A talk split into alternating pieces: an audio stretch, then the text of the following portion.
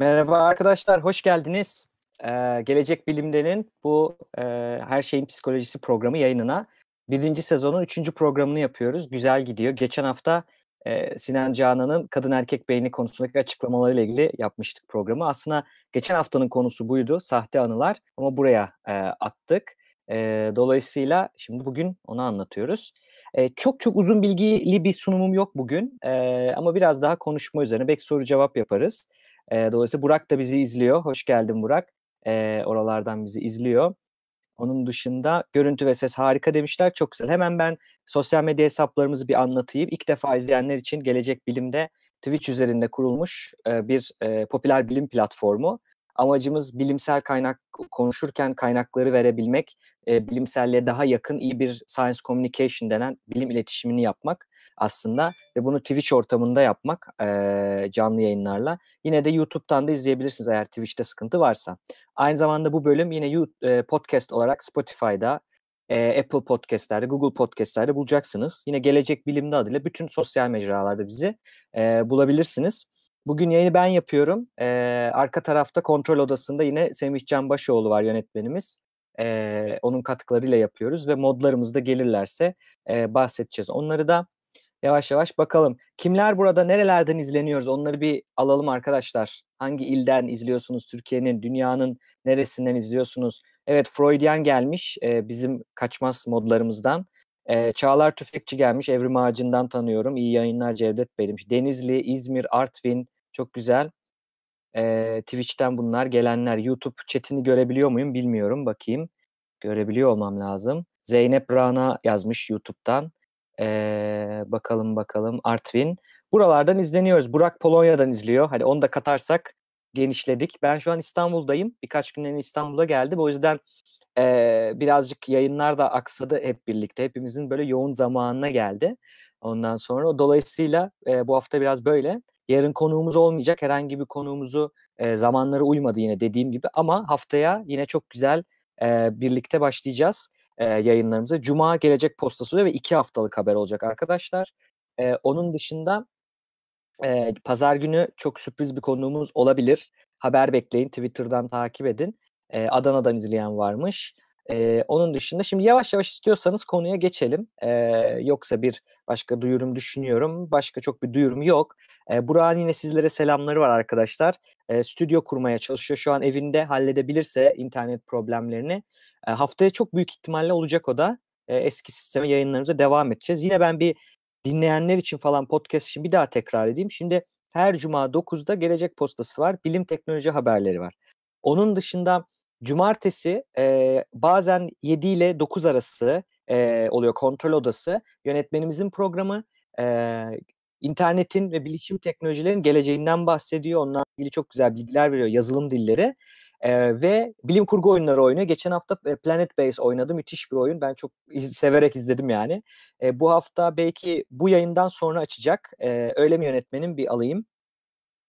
Evet. Şimdi benim yayın bitecek. Ee, 10 buçuk belki sarkmazsa hemen ardından kontrol odası var. Kaçırmayın derim. Hani böyle bugün de cumartesi geç saat oturanlar varsa çok güzel çayınızı kahvenizi alın. Ee, Surviving Mars oynayacak. Ee, bilim kurgu oyunu açıklayarak oynayacak. Ben de izleyeceğim. Onun dışında da e, bir konuşacağımız konu var mı yönetmenin kontrol odasında? Birkaç da konu var. Böyle aktüel kısa kısa konular olacak arkadaşlar. Hemen duyurularını yapayım. Her cumartesi yine 9 7 ile 9 arası kontrol odası. 9'dan sonra her şeyin psikolojisi, pazarda konuk. Şimdilik program bu. Haftacı da sürprizler oluyor. Nasıl kaçırmayacaksınız sürprizleri? Twitter'ı, Instagram'ı takip ederseniz oralardan yayına girince yazıyoruz. Ama bence Twitch'te mesela notifikasyonları, bildirimleri açarsanız en güzeli o. Hemen bildirim geliyor. Ben yani kendi takip ettiğim yayıncıları öyle buluyorum. E, dolayısıyla bu şekilde. Şimdi konuya yavaşça geçelim. Bugün e, sahte anılardan bahsedeceğiz. Şöyle sunuma geçeyim her şey yolundaysa sunumda gözüküyorsa bugün sahte anılardan bahsedeceğiz arkadaşlar. Bu aslında ben Instagram'da bunun bir teaser gibi bir şeyini yapmıştım. Elizabeth Loftus'un fotoğrafını koyup bu kimdir diye sormuştum. Kimse bilemedi. Belki de görmediniz olabilir. Elizabeth Loftus bu alanda çalışan bir psikolog. Çok ünlü. Neredeyse hani bu false memory dediğimiz alanın kurucularından biri. O ve birkaç meslektaşı. Ee, onu paylaşmıştım. Bugün yine bir bilgi vermem lazım. Belki aramızdadır izliyordur. Benim e, ODTÜ'den ODTÜ psikoloji mezunuyum ben. ODTÜ'den e, gelişim psikolojisi derslerimin hocası şu an yan, sanırım doçent belki de profesör olmuştur bakamadım. Ee, Başak Şahin Acar teşekkür ediyorum kendisine. Kendisine izin aldım sunumlarının bir kısmını kullanmak için. Şu an benim size anlatacağım sunum tümü değil ama bir kısmı ODTÜ psikolojide gelişim psikolojisi dersinde yani üniversite seviyesindeki dersten aldığım sunum birebir aynısı. Onu kullanmama izin verdi. Belki de gelecek izleyecek de olabilir. E, söyledi kaçırmamaya çalışacağım dedi. Ona yine buradan bir selam edelim. Şimdi sahte anılarla başlayalım arkadaşlar. Şimdi anılardan bahsederken aslında bizim memory yani hafıza türlerinden biraz bahsetmemiz lazım. E, iki çeşit aslında büyük memori var. Burada ikiye ayrılmış ya sağ kısmını anlatmış. Belki mouse'umu görüyorsunuzdur. Sol kısma bir şöyle düşünürsen burada aslında e, explicit memory yani açıkça dıştan görülen, açıklanabilen memori. Buna deklaratif memori de deniyor. Yani deklare edebildiğiniz bilgi. Bunun içinde neler var? Semantik var mesela. Yani bir şeyin adını, anlamını bilmeniz gibi bir şey. E, semantik bilgi var. Onun dışında otobiyografik hatıralar dediğimiz autobiographical memory var. Bu da sizin yaşadığınız olaylar aslında. Mesela ne bileyim küçükken geçirdiğiniz işte bir düğün, gittiğiniz bir düğün. Bunu siz böyle otobiyografi sizinle ilgili olduğu için hatırlayabiliyorsunuz. Bunun dışında episodik e, memory var. Episodik dedi, episode derler ya böyle yabancı dizilerde bölüm adı episode 1, episode 2. E, dolayısıyla bununla ilgili e, bölüm. O, böyle, o, o hafızalarda böyle olay olarak hatırladınız. Yani semantik şu. E, neşter ne demek dediğimde neşterin tanımını yaparsanız bu semantik hafızanın bir örneği. Episodik hafızanın örneği de bu dediklerim şeyde yok, ekranda yok. Şimdi geleceğim onlara. E, bu e, semantik bu. Episodik de mesela işte ablanızın, abinizin düğünü ne bileyim ya da kendi düğününüz mesela bir olay bunu söyleyebiliriz. Bunlar daha çok explicit yani açıkça dışarıdan görülen dışarıdan rahatlıkla anlatabildiğiniz hatıralar, hafıza türleri.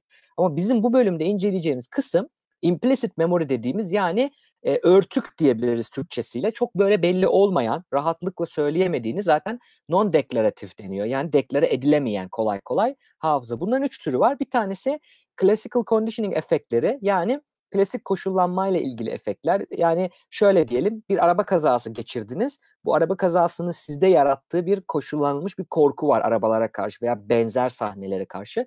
Bu benzer sahnelerde hatırlayarak bu duyguyu yaşadığınız için bu klasik koşullanmayla öğrenilmiş bir şey. Bu bir bölümde daha küçük bir parça. Bunun dışında en ilginç hatıralardan, hafıza türlerinden biri procedural memory yani prosedürel, işlevsel ya da diyelim işle, işlevsel e, hatıra. Exclusive demiş Çağlar Tüfekçi ama exclusive demiyorum. E, explicit diyorum. Implicit, explicit. Dolayısıyla e, Elizabeth Loftus'u hangi psikoloji öğrencisi bilmez ki demiş Hüseyin Şahin. Aynen yani tanıyoruz e, hanımefendiyi.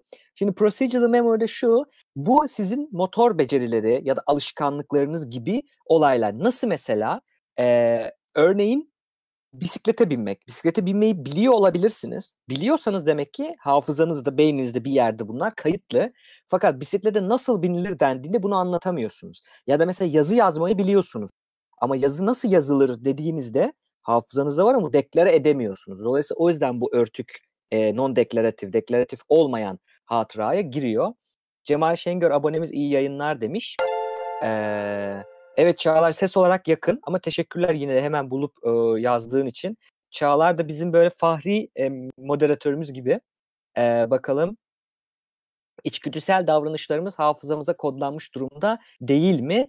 E, evet ama onlar birazcık bilgi olarak değil, hatıra olarak değil, amigdalada o kaç savaşla ilgili bir şey. E, yani evet yani yapabiliyorsa hafızanın bir yerinde var ama o birazcık doğaçlama yapmak gibi öyle diyeyim. Yani bir bilgi olarak yok e, otomatiğe bağlanmış davranışlar. Şimdi onunla ilgili prosedürel hafızada bu çok ilginç. Bir de bu implicit yani kapalı hafızanın priming dediğimiz Türkçesini hazırlama, ön hazırlık etkisi diye buldum bunu. Ya da böyle ne bileyim yemleme diyebiliriz. Aslında yemleme daha güzel bir tabir. Bu düzgün bir tabir buna. E, bu işte örtük bazı aktivasyonlar oluyor. Sizin uzun süreli hafızanızda var olan bazı bilgileri e, gizliden böyle aktive ediyor, tetikliyor, bir şeye yol açıyor. Bu şekilde. Onun dışında gelelim e, türlerden bahsettik ya. Bir örnek vereyim mesela bu priming'e. Fare kelimesini duydunuz hepiniz tamam mı? Fare kelimesini duymak bizim zihnimizdeki bir şema vardır. Fare şeması diyoruz onu. Yani fare ile ilgili. O yüzden renkli koymadım. Şekli vardır, şek, şemali vardır, özellikleri vardır, tüylüdür bilmem nedir. Bu kavramı, komple bu kavramı aktive eder. Aynı zamanda bu kavramı aktive etmekle kalmaz başka şeyleri de aktive eder. Mesela farenin yakın kelimeler eş anlamlısı mesela sıçan deriz. Sıçandan çan gelebilir. Bunun gibi şeyleri prime eder. Bunun gibi şeyleri ateşler. Aslında hafıza bu şekilde çalışıyor. Implicit hafızadan kastımız bu. YouTube'dan Halil Çölkesen demiş ki bir insanın sahte olması anlaşılabilir ancak aynı olayda birçok bir insanın e, yanlış hatırlaması Mandela etkisi çok güzel bir kavram. Bunu Barış Özcan da anlatmıştı. Mandela etkisi nasıl oluyor anlatacağım. Çünkü e, bir nevi şöyle oluyor aslında.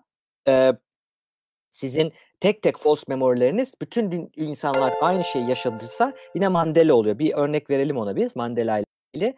E, Terip Bilal abonelerimizden demiş ki hocam bildirim gelmiyor Twitch'ten Facebook'tan gördüm geldim. Bu bir sorun. Hemen burada parantez açıp bunu söyleyeyim. Niye gelmiyor? Insta, Insta, Twitch uygulamasına Android'de veya iOS'te gittiğinizde bildirimleri etkinleştirmeniz gerekiyor. Bazen size bildirimleri soruyor. Sorduğunda siz hani yanlışlıkla hayır derseniz gelmeyebiliyor. Birincisi bu.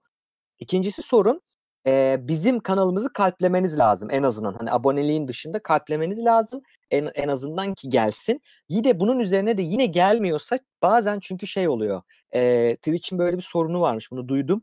Daha bugün Burak söyledi bununla ilgili. Dolayısıyla ona dikkat edebilirsiniz ama en garantisi aslında mesela Twitter'ı takip edip çan yaparsanız veya daha kolay YouTube varsa uygulaması ki vardır birçok insanın telefonunda gelecek bilimdeyi takip edip orada bir çan sembolü var. Çan sembolüne tıklarsanız sadece gelecek bilimde için oluyor bu. Yani sadece ta çana bastığınız kanalda bildirim geliyor. Çünkü YouTube'dan da aynı anda gidiyoruz. Bu da bir çözüm olarak söyleyebilirim. Ee, e, Mickey Mouse'un pantolon askısı Mandela etkisini örnek. Aynen pantolon askısı varmış e, gibi geliyor. Mandela da öyle. Onu da örnek vereyim geçeyim hemen. Mandela etkisi de şöyle bir şey. İşte Nelson Mandela'nın e, öldüğüne dair işte yani hapise girip hapisten sonra öldüğüne dair bir şey var. Kimse bunu bilmiyor. Halbuki adam hapise girdi, hapisten çıktı. Ondan sonra işte eceliyle vefat etti. Burada ilgili bir bilgi var. Bu ama yanlış hafızanın, sahte anının bütün bir herhalde dünyaya yayılmış hali. Dolayısıyla bu. E, dolayısıyla e, bunu söyleyelim. Sıçan ve çan gibi kelimeleri de dolayısıyla prime ediyor arkadaşlar. Şimdi gelelim hafıza ile ilgili bir deney yapacağım. O yüzden bütün izleyenlerden dikkatini istiyorum. Herkes odaklansın sunuma. Ee, arda arda 14 kelime göstereceğim. Birer saniye arayla kaçırmayın arkadaşlar. Ee, YouTube'a ve Twitch'e söylüyorum. Herkes odaklansın. Hazırsanız hazır alayım chatten bir başlatacağım şimdi. Şimdi dikkatinizi vereceksiniz. Kelimeler söyleyeceğim. 14 tane kelime ekrana gelecek. Bunları hatırlamaya çalışın arkadaşlar. Bittikten sonra süre vereceğim. Çete hatırladığınız kadarını yazacaksınız. Ne kadarını hatırlıyorsanız tamam mı? Hep birlikte canlı bir deney gerçekleştiriyoruz şimdi. Bir psikoloji deneyinin var olmuş deneyi replike ediyoruz hep birlikte tamam mı? Dolayısıyla evet Martin İtalya'da karıştırıyorlar. Özgür e, Unyar demiş Mandela için. Chat'ten bir alalım. Hazır mıyız arkadaşlar? YouTube ve Twitch'ten birer hazır alırsam başlıyorum. Bir süre sonra şimdi 14 kelime göstereceğim size. Arda arda birer saniye arayla. Hazırsanız, dikkatinizi verdiyseniz daha sonra da bu kelimelerden hatırlayabildiğiniz kadarını geri chat'e yazmanızı isteyeceğim. Herkes bireysel yazsın lütfen. E, Twitch hazır. Çok güzel. Bir de şeyi alalım. YouTube'dan hazırlar mı? Onları alalım hemen. Evet. Herkes hazır. Süper. Başlatıyorum. Başladı. Hazır olun. İlaç. Raptiye. Uç. Acı. Şırınga. Acıtmak. Yüksük. Samanlık. Batırmak iplik, keskin, dikiş, enjeksiyon, örgü bu kadar. Bir kere tekrar ettim. Böyle yapmam gerekiyor. Sesli de aslında söylenmiyor. Normalde ben podcast'ten izleyen, dinleyenler için yapabilir. Herkes aklına geleni yazsın. Yalnız başkalarının chatine bakmayın. O zaman deneyin e, sistemini bozuyoruz. Siz sadece chatte yazdığınız kısma bakın onu yazın lütfen. Bakalım herkes kaç tane hatırlayabilecek. Quantumifier'dan gelmiş. Evet bekliyoruz çete. Ben söylerken yazmaya başlamazdınız tabii. Ee, Gül Sahıl, Sa, Gül Sah, Gülşah 43 kütlesini enerjiye çevirmiş. Hoş geldin. Evet geliyor sonuçlar çok güzel. Birazdan neden yaptığımızı anlatacağım deneyi. Buna aslında digit span de deniyor ya da word list deniyor. Genelde çok kullanılan bir hafıza testi. Bazı mesela nöropsikologlar veya e, yani hafıza ile ilgili bir kliniğe giderseniz demans, Alzheimer orada yapılan testlerin arasında batarya diyoruz. Bir sürü test var. İçlerinden bir tanesi. E, YouTube'dan da gelmiş evet. E, Halis Çölkesen'den. YouTube izleyicilerimiz bugün az. Twitch'teniz. Emm yazın bakalım, yazın bakalım kimler neler yazdı? Aklınıza gelebildiği kadar yazın. Zihin oyunlarında da yaptılar, evet biliyorum. Güzel bir program o. Lütfen onları yazın. Bütün yani az yazdıysanız tekrar yazabilirsiniz. Zorlayın hafızanızı. Neler vardı bakın arkadaşlar. Evet, podcast'ten dinleyenler de, eee, kalem kağıt yapabilirler bunu, yazsınlar. Bakalım ben şöyle bir bakıyorum, eee, cevaplara. Güzel, güzel, güzel. Lütfen biraz daha alalım. Biraz eksikler var, hepsini yazamıyoruz. Bak hep daha uzun yazmaya çalışın arkadaşlar ki deney ge gereği olsun. Bakalım, bakalım, bakalım. Şöyle bir geriye doğru gidiyorum. Bayağı yazılmış. Eee, çok güzel. Bazı kişiler ha aynen yazmış vallahi. 4 kelimelik Digispen'leri var. Süper. Bakalım herkes yazdıysa artık bakalım ben şimdi açıklayayım. Benim aslında yapmaya çalıştığım deney olmadı. Hatırladığım kadarıyla ODTÜ'de de biz sınıfta yaptığımız olmamıştı. Ama çoğu deneyde bu oluyor arkadaşlar. Ya da şöyle sorayım aslında. Eee, chat'e şunu yazsınlar. İğne yazan var mı liste içine? İğne. İğne yazan varsa chat'e benim aklıma geldi deyin. Ya da yazın. Aynen yazanlar tabii belki kopya çekmiş olabilirler, doğru. Ama o amaç o değil şu anda. Bakalım neler var? İğne yazanlar chat'e yazabilir mi arkadaşlar? Bakın şimdi ben cevapları açtım. Bende yayın dondu ama sağlıklı mı yönetmenim? Yönetmenim her şey yolunda mı? Haydar Şahin'in aklına iğne gelmiş mesela. Şimdi listeyi açtım arkadaşlar size. Eee, doktor da geldi demiş. Evet. Evet, şırınga vardı listede ama iğne yoktu arkadaşlar. Buna priming etkisi diyoruz. Buna benzer birçok şey var. Eee, bizim de sınıfta olmamıştı. Niye olmadı? Hoca izliyorsa Başak Hoca'ya. Şöyle, normalde birçok deneyde bunu yaptıklarında çok yüksek oranda içerisinde olmayan kelimeler çıkmış arkadaşlar. Yani hafızanızı zorladığınızda, eee, evet kırmızı balta olayı gibi Özgün Özgün Günyar yazmış. Priming etkisi, eee, eee, deniyor buna. Burada şimdi şöyle bir durum var. Buradaki kavramlar beynimizde be eee, şimdi aslında bu İngilizceydi bir de belki de ondan olabilir, çevirdiğim için de olabilir ama şöyle, mesela samanlık, yüksük, işte acıtmak, şırınga, uç, raptiye, ilaç falan filan, dikiş gibi şeyler hepsinde arkadaşlar iğneyle ilişkili kelimeler. Şimdi biz bunları yaz söylediğinizde, siz bunları hatırlamaya çalıştığınızda bazen bilmediğiniz şeyi uyduruyoruz. Hani duy sağır duymaz uydurur deriz ya, çok doğru. Bilmediğimiz kısmı biz uyduruyoruz. Enjeksiyon var mıydı bakayım? Yoktu. Enjeksiyon yazmış mesela. O da bir priming. Eee, kulaktan kulağa oynayan oynanırken kelimelerin bir sor bir süre sonra alakasız bir şeye dönüşmesi de bir benzer örnek. Eee, dolayısıyla bu bu şekilde iğne kelimesi geliyor. Neden? Çünkü bunlar onunla alakalı. Bu bize peki neyi gösteriyor? Ben bu deneyi niye yaptım? Sizin hafıza spaninizi ölçmek için değil aslında ama şöyle, eee, orada bir deception yaptık aslında. Psikoloji deneyleri deception deriz biz. Bir kandırma yaparız. Örneğini vermiştim ilk yayında. Kandırma yaparız. Kandırmadan sonra çünkü sizin oraya odaklandığınızı düşünürsek o zaman kimse hani iğne demezdi veya enjeksiyon denmezdi. Hani başka bir şey ölçüyormuş gibi dedik ama bu çıktı. Niye? Çünkü arkadaşlar bizim zihnimizdeki hatıralar, hafızalar son teorilerimize göre bildiğimiz kadarıyla belli network'ler, asosyasyon, ilişki network'leri, ilişki ağları içerisinde kurulu.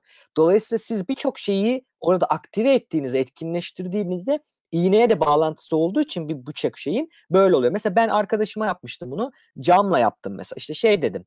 İşte pervas, pencere, efendime söyleyeyim işte emm, güneş, eee, transparan, kırılmak, bilmem ne böyle benzer şeyleri söyledim ama hiç cam söylemedim mesela. Geri yollarken mesela pencere olduğu için cam bunlar çağrıştığı için pencere deniyor. Dolayısıyla, eee, böyle bir, eee, priming dediğimiz yani, eee, eee, yemleme dediğimiz bir yem atıp başka şeyleri gösterip burayı bu Peki bu bize neyi veriyor biliyor musunuz? Şu, hafıza bizim düşündüğümüz gibi bir hard disk gibi değil. Yani hafıza bizim hafızamız aldığımız şeyleri kaydedip aynen kaydedip sonra aynen geri okumuyor arkadaşlar. Ne yapıyor? Reko rekonstrüktif yani yeniden yapılandıran parçalarına bölüyor. tekrar bu parçaları birleştirirken boşlukları biz beynimiz dolduruyor. İşte bu boşluk doldurma en güzel örneklerden biri de priming. Bir yorumlara bakayım. Ee, e, benim aklıma patlama geldi bu kelimeleri görürken. Belki hani acı, şırınga o olabilir. Hani keskin, dikiş belki hani tıbbi bir şey gelmiş olabilir. Ee, aslında balkonlar içeride olsa dışarıya doğru çizilir genelde. Evet o başka bir şey. O bizim kafamızdaki şemalarla alakalı. Tam bu değil. Ee, iğne ile alakalı evet çok kelime vardı. Onları söyleyelim. İllüzyon gösterileri de bazen hatırlamayla ilgili bununla e, alakalı. İğneyle balon patlatılır. Ondan çağrışım yapmış olabilir. Tam bir çağrışım etkisi bu arkadaşlar. Gelelim bir tane daha. E, makalenin referansını yine aşağıda görüyorsunuz. Şimdi bir tane daha yapalım. Bakalım bundan ne olacak. Patronunuzun ya da hocanızın odasına uğradığınızı hayal edin. Ofisine girdiğinizi hayal edin. Şimdi bir fotoğraf göstereceğim. Bu fotoğrafı iyice inceleyin. Neler var neler yok hafızada tutmaya çalışın. Sonra soracağım odada neler vardı diye tamam mı? Resmi gösteriyorum şimdi. Resme dikkatlice bakın. Odada neler var? Bu ofisi diyelim hocanız eski bir resim. Deneyde kullanılır için 84 deneyi. Burada neler var? Duvarda, yerde işte bütün her şeyi bir aklınıza tutmaya çalışın. Birazdan isteyeceğim onu. Ee, bakalım kimler ne kadar yazabilecek. Biraz iki, bir iki dakika ona veriyorum. Ee, birlikte yapalım bakın. Ben de deneyeyim bakayım neler kalacak aklımda. İyice şöyle resme. E, bu deney de vardı evet. Bunlar klasik deneyler çünkü bu alanın çok e, bilinen ve e, güçlü deneyleri. Fotoğraf net değil. Evet eski bir fotoğraf. Görebildiğiniz kadar arkadaşlar. Çok çok önemli. Görebildiğiniz kadar neler anlıyorsunuz oralardan bir şey yapın.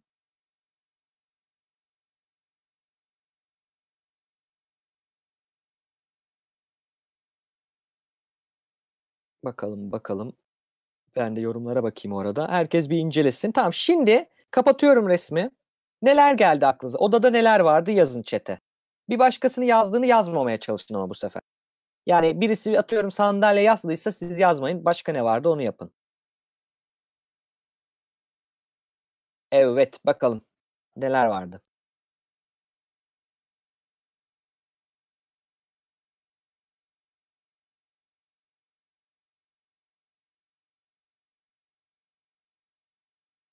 Sepet, kuru kafa, sandalyeler, halı, ışık, havalandırma boşluğu, tablo, masa, sandalye, paspas demişler. Şemsiye, sandalye, kağıt, raptiye, tablo, raptiyeler, tablo, kettle denmiş. Şemsiye, şarap şişesi, küre, paspas, sepet, daktilo. Başka? Nutella kavanozu, bira şişesi, kafatası. Bakalım başka neler var arkadaşlar. Çok güzel ya. Balıklı kutu. Çok güzel. Böyle mi? Başka geliyor mu aklınıza? Birkaç şey daha vardı. Ben hatırlıyorum şu an. Biraz zorlayalım hafızamızı. 81'de yapılmış deney. Döner sandalye, kapı kolu. Evet. Başka? Sandalyenin üstündeki kağıt. Bayağı böyle fotoğrafik hafızalar var yani detay hatırlıyoruz. Tornavida ya da bıçak küçük olduğu için evet. Ha bir de sayan var. MLT Mari. 4 sandalye, 3 masa, halı, 3 raf, tablo, şemsiye, kapı, kavanoz demişler. Karton koliler, not defteri, kalemler, pano. Başka arkadaşlar aklınızda gelen? Valla bizim deney grubumuz akıllı ya. Bizim deney grubu Inception hiç gelmiyor yani. Gelecek bilimde seyircisi farklı bir seyirci. Ben bunu anladım.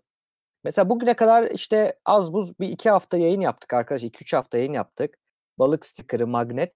Ee, hiç trollümüz olmadı. Yani gereksiz buraya gelip de işte yayını bozacak, saçma sapan yorumlar yapan insan olmadı. Bu çok güzel bir şey. Yani demek ki bir komünite, bir topluluk da birlikte oluşuyor gelecek bilimleri. Biz bunu hayal etmiştik ilk başlarken Burak'la. Topluluk önemli çünkü yine diyoruz ki hani e, lisede, ortaokulda, belki üniversitenin girişinde birçok öğrenci var Twitch izleyen. Oyunları izleyebilirsiniz. Onları izle ama arada mesela haftanın 6 günü izliyorsunuz. Bir günde bir bilim kanalı izlemek çok güzel. Geçen gün başıma bir olay geldi. Belki de izliyordur. Berberdeyim, tıraş oluyorum arkadaşlar. Hemen onu yaz anlatayım siz şey yaparken. tıraş oluyorum işte konuşuluyor abi dedi senin işte şeyin böyle konuşulurken dedim yeni kanal açtık falan anlatıyorum bilimsel falan. İşte şey dedi abi senin Twitch kanalın var dedi. Evet dedim şu kaç abonen var falan. Sordu ondan sonra böyle böyle adı ne dedi? Gelecek bilimde dedim hemen abone ol. Ha dedim bir tane dedim hemen şey geliyor takipçi geliyor. Dolayısıyla dedi sonra yazarken dedi ki abi niye bilim dedi. Ben dedim işte tam da bunun için. Çünkü yok yani Twitch'te. Ola da bilir. Biz de bunu göstermiş oluyoruz ve aslında dünyaya gösteriyoruz. Dünyada bizim gibi bir tane daha belki kanal vardır Twitch'te veya yoktur. Benim baktığıma göre. Varsa da bulun arkadaşlar iletişime geçelim. Güzel olur. Ee, bu çok önemli bir şey. Çünkü buradaki kitle en azından bu komünite, bu güzel oluşmuş toplulukta parçası olursa sizlerden de öğrenin. Bakın aramızda çok bilgili e, izleyenler de var. Önceki deneyden gidilerek katılımcılar olmayanlara odaklanıyor bence denmiş. Bakalım şimdi öğrenelim. Ne hatırlıyorsunuz? Sorduk.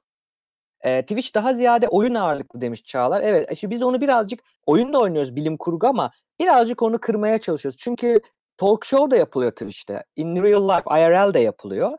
E, bilimsel kanal çok özel. Türk veya yabancı ben de rastlamadım ama bulursak ne hala. Evet neler hatırladık? Denekler genelde ofislerde sık bulunan objeleri çok rahatlıkla hatırlıyorlar. İşte masa sandalye gibi. Fakat aynı zamanda resimde olmayan ama yine ofiste sık bulunan objeler de hatırlanmış. Örneğin raflardaki kitaplar. Ee, bu 81'deki deneyde bu da hatırlanmış. Bizde kitap hatırlayan olmadı sanırım. Yanlış hatırlamıyorsam. Ee, dolayısıyla ee, Özgün Ünyer müzik ses analizi formatına başlamış. Ses analizini e, Emre Yücelen yapıyor diye biliyorum. E, ama yazın izleriz güzel olur. E, şey yapalım. Olmayan bir şey denek hakkında ne gösteriyor? Çok güzel bir soru. Tam oraya gelecektim. Bizde galiba kitap yoktu. Resme bir daha bir döneyim bu arada. Bir bakalım neler hatırlıyoruz arkadaşlar. Evet çok güzel. Sandalyenin üzerindeki kağıdı hatırlayanlar. Küre, efendime söyleyeyim kuru kafa, Şurada bir şey var. Cüce figürü var. Onu hatırlayan olmadı. Kutuları herkes hatırladı. Daktiloyu hatırladı. Tornavida bıçağı hatırladılar. Nutella değil o tabii başka bir şey ama güzel hatırladınız. Kettle, tablo, pano her şeyi çok güzel hatırladık. Genelde deneyde mesela olmayan şeyler de diyelim masa lambası yok sanırım burada. Masa lambası da hatırlanıyor. Kitap hatırlanıyor. Çünkü hocanın ofisinde kitap olması lazım gibi. E, vantilatörü mesela kimse hatırlamadı diye biliyorum. E, dolayısıyla Eee, bu şekilde kitap yoktu. Peki ne gösteriyor hatırlaması? Bu. Yine şuna geliyoruz. Hafıza, bizim insan hafızası en azından hayvan çalışmalarında da bu gösteriliyor ama rekonstrüktif yani yeniden yapılandırmacı bir yapı. Yani biz hard diski kaydeder gibi, ka- bağında kaydeder gibi işte ses kaydı yapar gibi kaydetmiyoruz. Uzun süreli hafıza özellikle nasıl çalışıyor? Parçalara bölüyor. Büyük kavramsal network'e atıyor şimdi göstereceğim. Sonra hatırlarken onları etkinleştirip tekrar çekiyor. Ve böylece çok daha az yer kullanarak çok daha fazla veriyi saklayabiliyor arkadaşlar. Hatta bir çalışmada geçenlerde bir nöroloji çalışması okudum.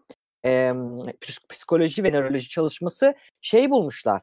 Yani beynin aslında kul, e, kullanıldığında ne kadarlık bir veriyi saklayabileceğini bulmuşlar. Muazzam bir veri saklayabiliyor ve o saklayabileceğinin tamamında kullanmıyormuş. Gerek yokmuş yani insan hayatında. Bulabilirsem atayım onu ben size. Dolayısıyla biz şunu biliyoruz ki buna iki deneyden de bunu anladık ki hafıza rekonstrüktif yani direkt aynı birebir hatırlayan böyle şey kağıdı gibi fotokopi gibi hatırlayan bir şey değil. Sinan Dankça 1 lira bağış yapmış. Çok teşekkür ederiz. Onun dışında e, böyle birebir hatırlayan bir şey değil e, nasıl rekonstrüktif hatırlayan bir şey arkadaşlar. Yani parçaları tekrar bir ama tekrar o legoları birleştirirken kendi istediğine göre birleştirebilir veya boşlukları hatırlamadığı kısımları kendine göre doldurabilir. Şimdi bununla ilgili bir iki daha deney vereceğim. İlişki ağı var arkadaşlar demin dediğim yani kavramlar sık bir birbiriyle böyle iç içe geçmiş bir nöron ağı gibi ya da networkçiler aslında yönetmenin bunu bilir. Network diyoruz ya ağ hani bilişim sistemlerindeki ağlar, serverlar var, bilgisayarlar var. Onlar gibi e, dolayısıyla e, bu şekilde. Hayır Quantumify demiş ki Science Teknoloji kategorisi varmış Twitch'te sanırım. Onun altında yayın yapmak daha belki de öyle yaparız. Bakayım ben. E, sık bir ilişki ağıyla birbirine bağlı. Eylemleri de içeriyor bu ağ. Yani yürümek mesela gitmek var gitme eğilimi. Arabayla gitmek. Gitmek burada, araba burada, yürümek burada. Gitmek dendiğinde arabayla gitmekse buraya gidiyor. Yani arabayla gitmek bir bir tane entry, bir tane burada girmiş. yürüyerek gitmek bir tane, otobüste gitmek bir tane, uçakla gitmek bir tane gibi böyle saklamıyor da bir tane gitmek var onlara bağlamış. Bu sayede daha az yer kaplıyor. Daha e, verimli çalışıyor. Ve ne oluyor? Daha yakında ilişkili ise iki kavram birbirine daha sıkı bağlarla bağlı. O yüzden işte priming'de demin verdiğim örnekte birbiriyle bağlı şeyler daha rahat ötekini etkinleştiriyor. Aklınıza onu da getiriyor arkadaşlar. Ee, bir kavramı etkinleştirmek dediğim gibi yeniden yakındaki kavramları da kolay etkinleşmesini sağlıyor. Priming ya da hazırlama dediğimiz böyle açıklıyor. Ha güzel bir örnek. Bakın şimdi. İngilizce bulabildim bunu. Şimdi bakın kırmızı demiş. Red. Kırmızı denli bakın neler geliyor aklına. Ateş, kır, elma, ee, şey, cherry neydi? Bak bulamadım şimdi. Ee, böğürt, böğürtlen. Evet böğürtlen diye biliyorum. Yanlış hatırlamıyorsam. Ee, başka renkler geliyor. Turuncu, sarı, işte yeşil geliyor. Vişne özür dilerim. Kiraz özür dilerim. Kiraz geliyor. Güller geliyor. Gül bakın gül kategorisi e, başka bir çiçek şey, şey, çeşidi olan e, menekşeye ve çiçekler ana kategorisine de bağlı. Kırmızı, gökyüzü kırmızı olur gün batımında. Gün batımı gün doğumuna bağlı. Gökyüzü olduğu için buluta bağlı. Anlatabiliyor muyum e, oluşan şeyi? Mesela a, şey olduğunda ateş dendiğinde evin yanması. House fire. Ateş yine bu sefer itfaiye arabası. İtfaiye arabası neyle bağlı? Ambulansa. Bu sayede böyle bir aile. Kan bakın kan geliyormuş aklına. Ondan sonra cima e, kanın dışında e, lav geliyor, domates geliyor. Çok güzel. Çeri o da öyle. Devrim devrim geliyormuş. Başka tehlike uyarı çok güzel. Bu şekilde bu aktivasyon aslında aynen böyle çalışıyor arkadaşlar. Aynen böyle çalışıyor. Dolayısıyla priming de demin bunu iğneye yorarsak mesela iğne de bütün ben bu benzer şeyleri söyledim. İğne bunlardan biri. Dolayısıyla e, bir bayrağımız da geliyor. Evet kırmızı beyaz. Ruj geliyormuş. Dolayısıyla buradan ötekini aktive ediyor. Anlatabiliyor muyum? Bu son geldiğimiz teori. Bu sayede oluyor. E, bunun dışında arkadaşlar şimdi bir iki deneyden daha bahsedelim. Detaylarına girelim bu işin. Bir saniye ben çayımı alayım şuradan. Zahmet. Şöyle aldım çayımı. Evet şimdi source monitoring dediğimiz bir şey var. Anının yani memory'nin memory reconstruction diye geçer literatürde anının yeniden yapılandırması diyoruz. Burada biz kaynak izleme diye bir şey yapıyoruz. Yani ben bir şeyi hatırlıyorum da ben bunu nereden hatırlıyorum? Yani bu benim başıma mı geldi? Öyle mi düşünüyor? Bazen öyle olur ya bir şey hatırlarsınız özellikle rüya ile karışık şeylerde olur. Hatırlarsınız ama ben gerçekten yaşadım mı? Nereden hatırlıyorum? Mesela bir araya gelirsiniz arkadaşlar. Bir araya gelirsiniz. Ondan sonra dersiniz ki işte kaç dakika oldu bu arada yayın? Ona bir bakalım.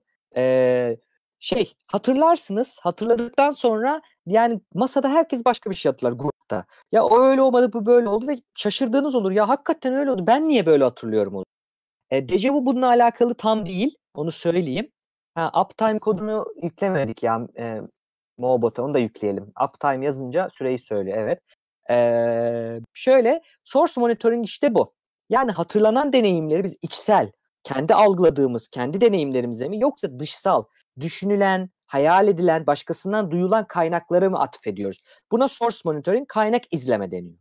İçsel ve dışsal olanın kaynağını birbirinden ayıramadığımız zaman işte false memory yani sahte anı ortaya çıkıyor. Yani ben bir şeyi hatırlıyorum ama nereden hatırladığımı hatırlamıyorum. Bu, bu çok önemli bir şey. Şimdi bununla ilgili detaylara gelelim. Hyman et al bu e, Hyman ve arkadaşları demek. Et al görürseniz e, referanslarda et al demek Latince. Yani Hyman ve 7 kişi daha en az 7-6 kişi daha demek. O yüzden uzun yazmıyorlar. İlk yazarın adını yazıyorlar. Efendime söyleyeyim e, 95'te yapılmış bir klasik bir deney. Bu makalenin iki deneyi var. İki, yani birden fazla deney var. İki numaralı deneyi. İnsanları biz acaba tamamen sahte, hiç yaşanmamış otobiyografik anılara inandırabilir miyiz? Neydi otobiyografik anı? Bir geri dönelim hemen.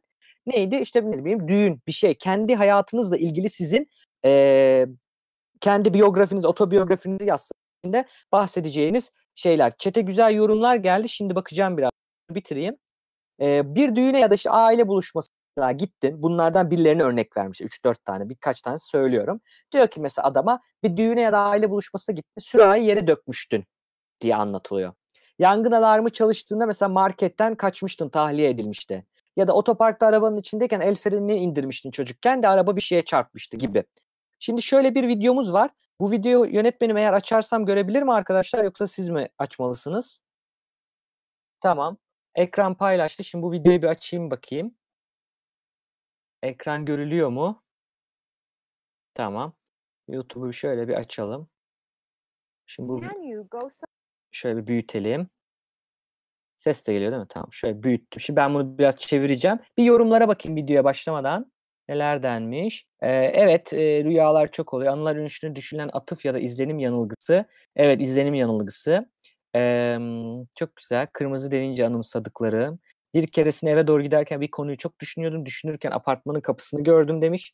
Sonraki gün aynı kapıyı görünce düşündüm. Bu e, tam false memory ile alakalı değil ama yine bu ağıyla yani onun onunla ilişkilendirilmesi. Buna e, şey deniyor.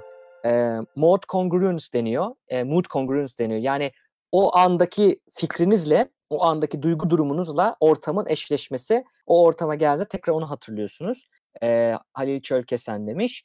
Efendim şimdi bu videoya gelelim. Bu Elizabeth Loftus bayağı gençliği. E, video İngilizce. Şöyle alt yazı da açayım. Bir şey yapayım. Çevirmeye çalışayım bakalım. can you go so far as to suggest an entire memory of something that never happened?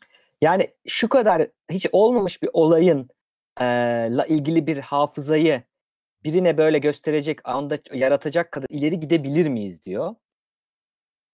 Chris, subject of a false memory experiment. Bu sahte anı e, deneyinin Chris katılımcısıymış. Bunun çok meşhur Lost in a Shopping Mall alışverişte kay alışveriş merkezinde kaybolma olayı. Loftus researchers had several family members stored in a journal real events shared by the family. Bu Loftus ve grubu bunun Chris'in ailesine bir günlük veriyor. Günlüğe bunlar zaten var olan eskiden gerçekten yaşanmış olayları hatırladıkları şeyi yazıyor. Burada tabii kaynağın güvenilir olması çok önemli. Anne baba gibi yani yakın e, aile olması çok önemli arkadaşlar burada. E, efendime söyleyeyim. Dolayısıyla bunu alıyorlar. Sonra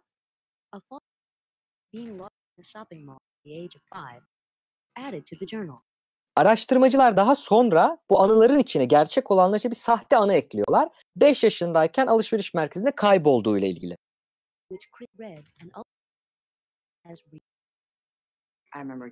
Bu okudu tabii Chris. Okutuyorlar burada. Birkaç kere de her seferinde ilk bunda tabii ki yaşamadım diyor. Biraz zaman geçecek çünkü arkadaşlar. Ee, onun dışında Chris bunu okuyor ve sonra soruyorlar ve gerçekten olmuş gibi hatırlayacak. Şimdi söylüyor Chris. I was. Cr- I remember that. I was so scared. or something. Bak şimdi çok ilginç bir şey söyleyeceğim. Tekrar birleştirirken, yapılandırırken boşlukları dolduruyoruz diyoruz ya. Öyle deneylerde öyle şeyler var ki adam olmamış anıyı inandırdık ya şeye yazıp günlüğe anlatıyor. Günlükte olmayan şeyleri de ekliyor. Vallahi billahi ekliyor. Diyor ki işte o gün diyor ağlıyordum diyor. Annesi ağladım yazmıyor mesela. Sadece kaybolmuştu diyor. Korkmuştu diyor. Ağladım diyor olmamasına rağmen. Mesela bir iki deneyde bunu birçok insana yapmış. Bir iki kişi şey demiş. Efendime söyleyeyim. E, bir tane güvenlik görevlisi vardı. Çok tonton bir amcaydı. O beni kurtardı falan. Öyle bir şey yok. Yani orijinal anında yok. Sahte anında da yok. Tamamen anlatırken uydurulmuş bir şey. Bu işte sahte anılar ve hafızanın doğası ile ilgili. Nasıl hafızalarımız olduğu ile ilgili bir yorum. Şunu bitireyim yorumlara geliyorum arkadaşlar. Çok e, sıkıntıdaydım diyor. Uh, Bir sürü mağaza hatırlıyorum diyor. man approached me. Tall. He was the age. Bak daha yaşlı bir adam bana geldi diyor. Uzun boylu diyor. Bana yaklaştı diyor. Bak He had a flannel shirt on. Um, I remember the shirt. flanel e, şeyi varmış. e, gömleği varmış. Onu hatırlıyor. I remember my mom. We never do that again. Annesinin ona bir daha asla kaybolma, bir daha bunu yapma dediğini hatırlıyor. Well, in terms of was no, no flannel shirt. Bak. Chris'in hata, hatırası için bakarsak anısı için böyle bir adam yoktu, böyle bir gömlekli de yoktu diyor.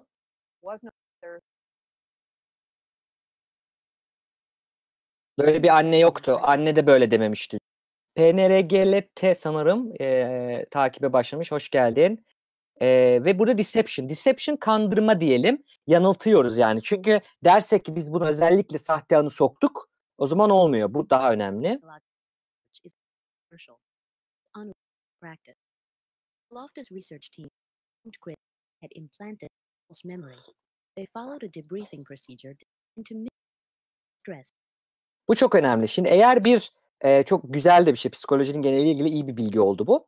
E, deception yapıyorsanız bu çok istenen bir şey değil. Etik komiteler deneyiniz başlamadan önce onlara siz etik, e, deneyinizin bir başvurusunu yolluyorsunuz. Ön proposal diyoruz.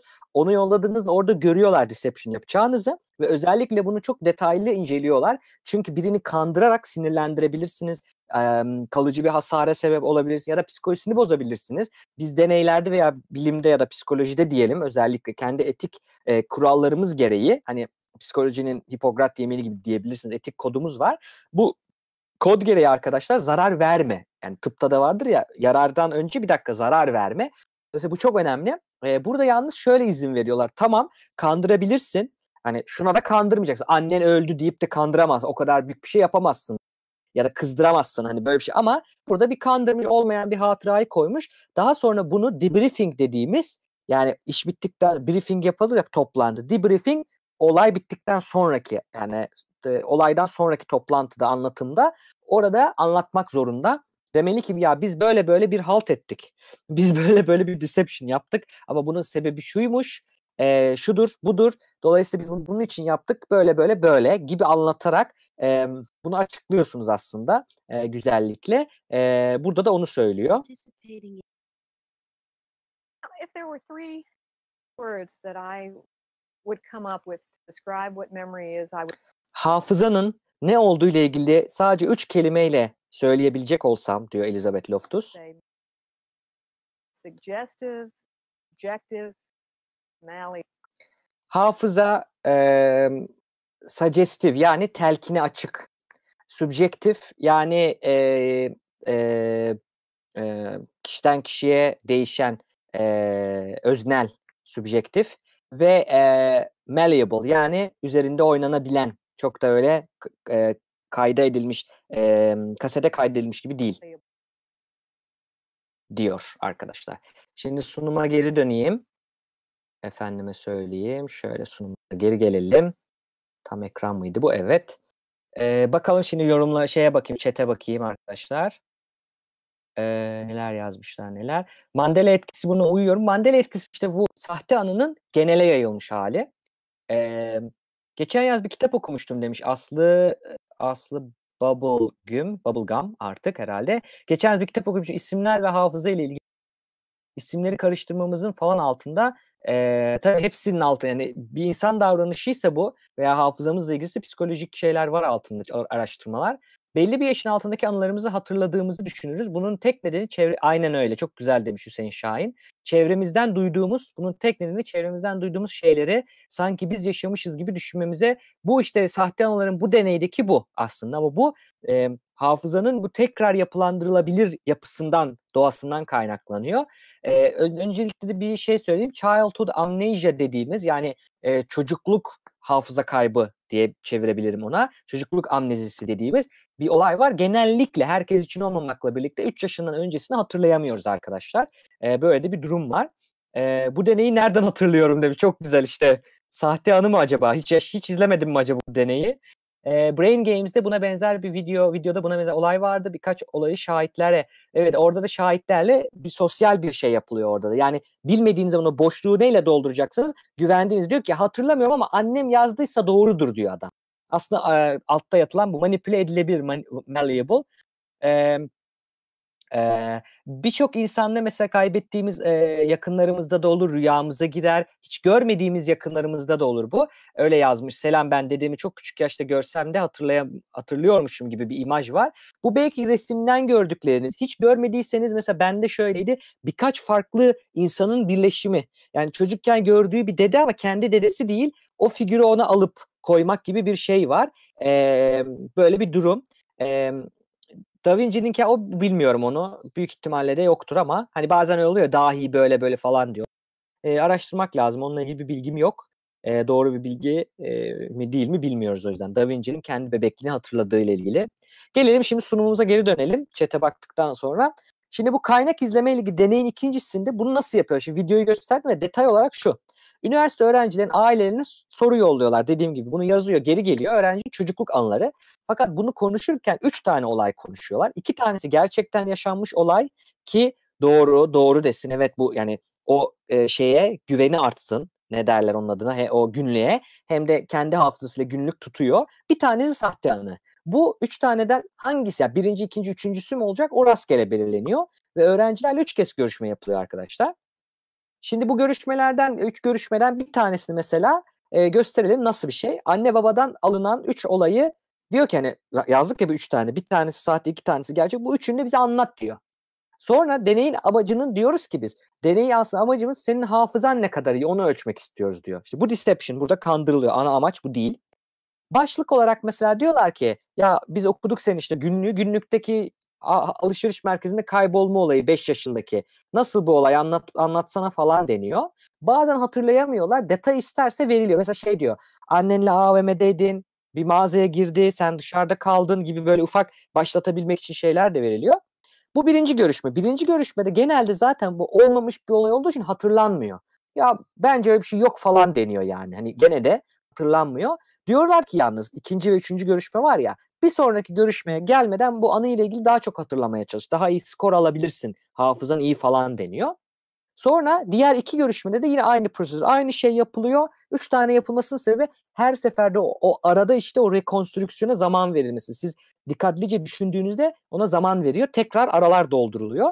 Her seferinde tabii hatırlanan bilgi miktarını kaydediyorlar. Yüzde kaçını hatırladı günlüktekinin diye.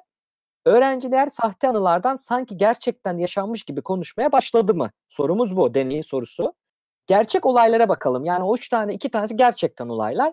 Birinci görüşmede e, işte yüzde 80-90'a yakın, 89 hatırlanıyor. İkinci görüşmede yüzde 93 hatırlanıyor. Üçüncü görüşmede artık her seferinde tabii bir daha soruluyor. Bir daha anlatılıyor. Yani bir daha okunuyor. Diyorlar ki biraz daha hatırlamaya çalış. Daha çok hatırlıyor. Son görüşmede yüzde 95 doğrulukla olay hatırlanıyor. Bu zaten gerçekten yaşanmış olay. Tamam. Denek olmak isterdim demiş. İlk iki tane bir deney yaptık. Orada izlediysen oldun zaten denek diyelim.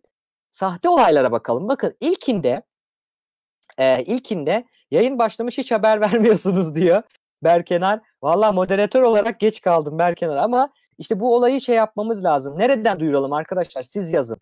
O yayın başladığında böyle haberiniz olmuyor. Nasıl yapalım bunu? Bilenler yazsın çete. Ona göre çözüm bulacağız ona. Şimdi birinci şeyde sahte anıyı kastediyorum. Bu AVM'de kaybolma olayı. İlkine tabii kimse yok. Sıfır. Kimse hatırlamıyor. İkincisinde diyoruz ya düşün diye. Bakın bir anda olay %18'e falan çıkıyor. Tamam mı? Bir anda e, %18'e çıkıyor. Discord'dan duyuruyoruz bu arada. Discord otomatik olarak duyuruyor e, yayın başladı diye. Onu söyleyelim. E, ikinci görüşmede %18. Üçüncü görüşmede bakın %26-25'lere çıkıyor. Şimdi ötekine göre %90'a göre biraz az gelebilir ama hiç yaşamadığınız bir olayın dörtte birini hatırlamak bu çok önemli. Bakın ben Twitter'dan bildirim açtım. Oradan haberim oluyor demiş. Aynen Twitter'dan o çana basarsanız veya YouTube'dan en güzeli o. Çünkü Twitch arada bir yapmıyormuş sanırım. Ben, ben de böyle bir şey duydum. Evet. Dolayısıyla bu deneyin sonucu bu. En azından dörtte bir oranında yaşamadığınız şey. Bir, bir tane örnek veriyorum şimdi. Anı örneği. Gerçek alınmış olanı çevirdim. Bir de Amerikan örneğiydi. Biraz Türkçeleştirdim onu ben. G görüşmeci, Ö öğrenci tamam mı? G görüşmeyi yapan Ö öğrenci. Okuyorum. E, podcast'te dinleyenler için okuyayım. Bir sonraki e, anımız düğüne gittiğiniz gün. 6 yaşındayken gittiğin düğünde etrafta diğer çocuklarla koştururken masaya çarpmışsın ve sürahinin gelinin annesi üzerine dökülmesine neden olmuş deniyor. Halbuki böyle bir anı yok. Bu üç taneden bir tane olan sahte anı. E, günlükte var bu. Bizim eklediğimiz zaman araştırmacının eklediği onu soruyor. Halbuki varmış gibi. E, tabii öğrenci de olarak diyor ki hiç hatırlamadım. Bunu ilk defa duyuyorum. 6 yaşında mı diyor. Görüşmeci hı hı diyor. Öğrenci diyor ki hiçbir fikrim yok. Hiçbir detay aklına gelmiyor mu? 6 yaşında Mersin'de olmamız lazım o zaman. Ama o zaman olamaz o diyor. Tamamdır deniyor. Sonra diyoruz ki bununla ilgili daha çok hatırlamaya çalış. İkinci görüşmeye kadar. Şimdi ikinci görüşme geldi. İkinci görüşmede gene gene aynı hepsinin üzerinden geçiliyor ya. Bak bu sefer ne oluyor? Bir sonraki bu gerçek deneyin kaydı bu arada. İsimler falan değiştirilmiş hali de kay, gerçek deney kaydı. Bir sonraki konuşacağımız anı yine bu 6 yaşındaki düğüne gittiğin gün. Ne hatırlıyorsun? Düşündün mü? diyor. Düğün komşumuz Aysel teyzenin kızının düğünüydü falan geliyor şimdi bir anda. Yaz tatili bitmiş. İstanbul'dan Mersin'e gelmiştik. Öyle bir anı yok ama yazıyoruz şu an. O günü hatırlıyorum. Hava çok sıcaktı. Neden? Mersin sıcak bir yer. Yaz tatili yeni bitmiş. Araları, boşlukları dolduruyor beyin, hafıza. Öteki komşumuzun oğlu da Ahmet'le kovalamacı oynuyorduk. O dönemlere hatırladı kişiler. Ben masayı görmedim ve çarptım. Anne baba ne yapacak? Kızacak tabii. Aferin demeyecek. Anne babam çok kızmış sürahi dökülünce. Yani bunların hatırlanmasında bir mantık var. Başka bir şey hatırlıyor musun? Hayır. Tamam deniyor. Zorlanmıyor. Üçüncüde tabii daha da detay atıyor. Fakat burada ilginç olan işte bizim aradığımız şey yeniden yapılandırma sırasında hakikaten ortada olmayan o boşlukların böyle doldurulması. İşte sahte anı dediğimiz bütün kavram aslında bu arkadaşlar. Şimdi ben kendi örneğimi anlatacağım. Başak Hoca izliyorsa veya belki YouTube'dan izler tekrarını. Onun, onun bize yaptığı bir şey. Bu resim bizim e, ODTÜ Psikoloji bölümündeki B14 amfisi meşhur. Bizim bölümün bölümde hem tarih hem sosyoloji hem felsefe hem psikoloji var bir binada. Onların hepsinin ortak kullandığı bir amfi bu B14 amfisi. E, o amfinin resmi. Orada az derse girmedim yani 4 yıl boyunca. O sahnede ders anlatmışlığım da var yani sunum yapmıştığım şeyliklerim de var. Hey gidi günler diyorum. Şimdi o oradaydık biz Başak Hoca'nın bu dersinde bu dersi anlatırken. Hocanın şimdi bize yaptığı e, deneyi anlatıyorum. Biz tabii bilmiyoruz öğrenciler olarak. İşte 60 kişi 50 kişiye yakın varız tamam mı? Şimdi böyle duruyoruz. Hocayı anlatırken kapı çalındı. Bir e, öğrenci şeyinden, işlerinden mi artık bölüm sekreterliğinden biri geldi bir görevli tanımadığımız. Dedi ki hocam e, şey e, yanlış bir e, şey olmuş. Ne derler onu? Ders programı olmuş. Çıkmanız lazım. Efendime söyleyeyim. Hoca da kızdı, sinirlendi falan. İşte ya böyle şey mi olur falan. Neyse hep birlikte biz pılımızı pırtımızı topladık. Gittik şeye. Ee, daha küçük bir sınıfa gittik. Sınıf şeklinde. Amfi değil de yani daha rahat değildi. Daha sıkıştık falan oturduk. Sınıfta konuşurken hoca bu sefer bir başka kişi daha girdi tamam mı? Bir başka kişi daha girdi. Geldi o da dedi ki hocam bu sınıfı bu sınıfta siz mi varsınız? Evet. Ee, ders programında var mı dedi. Böyle bir sıkıntılı. O da dedi ki ya yeni geldik zaten ötekinde de attılar bizi dedi. Kızdı. Hocam valla ben de kötü haber vereceğim. Burada şimdi bölüm toplantısı var. Bütün bölümün yöneticileri, işte profesörler burada toplantı yapacak. Başka yere gitmeniz lazım. Hoca da iyice bu sefer şey oldu. Ya böyle şey olur mu falan bize biraz zaman verin. İşte tamam hocam yarım saat sonra tamam dedi gitti. Sonra hoca devam etti dersini. Araya bir şeyler anlattı. 10 dakika sonra dedi ki Şimdi böyle örnek vereyim. İşte giren kadın böyle biri olsun. Örnek internetten buldum. Bu da böyle sınıf. Sınıfta oturuyor. Dedi ki arkadaşlar şimdi dedi bütün her şeyi kapatıyorsunuz. Kağıtları alıyorsunuz. Bana dedi demin dedi 10 dakika evvel sınıfa gelip bize bunu söyleyen ee, kadının dedi bize dedi bana dedi yani kağıda herkes gizli tek tek yazsın birbirinize göstermeyin. Hatırladığınız neler hatırlıyorsunuz? Bunu bize yazın dedi. Yani işte e, tişörtü ne renkti? İşte ne bileyim eteği mi vardı, pantolonu mu vardı? Saçı ne renkti? Gözü ne renkti? Gözlüğü var mı? Böyle neler bil, biliyorsanız bunu hatırlıyorsanız yazın dedi. Yazıldı. Sonra bunlar toplandı. Valla hiçbir kimsenin birisi bir şeyle tutmuyor. Hiç hani toplu olaya geldik ya sahte anının toplu halini anlatıyorum şimdi. Onun örneği hiç kimsenin tutmuyor. Çok az kişi doğru bildi. Yani çok az kişi kağıtta bütün özellikleri doğru bildi. Diyelim ki ben tişörtü kırmızı dediysem saçını tutturamıyorum. Ötekini doğru dediysem işte ne bileyim pantolonu tutturamıyorum. Ne bileyim gözlüğü tutturamıyorum. Hiç kimse yüzde yüz tutturamadı. Toplamda ortalamada bayağı bir doğruya doğrudan uzak bir şey.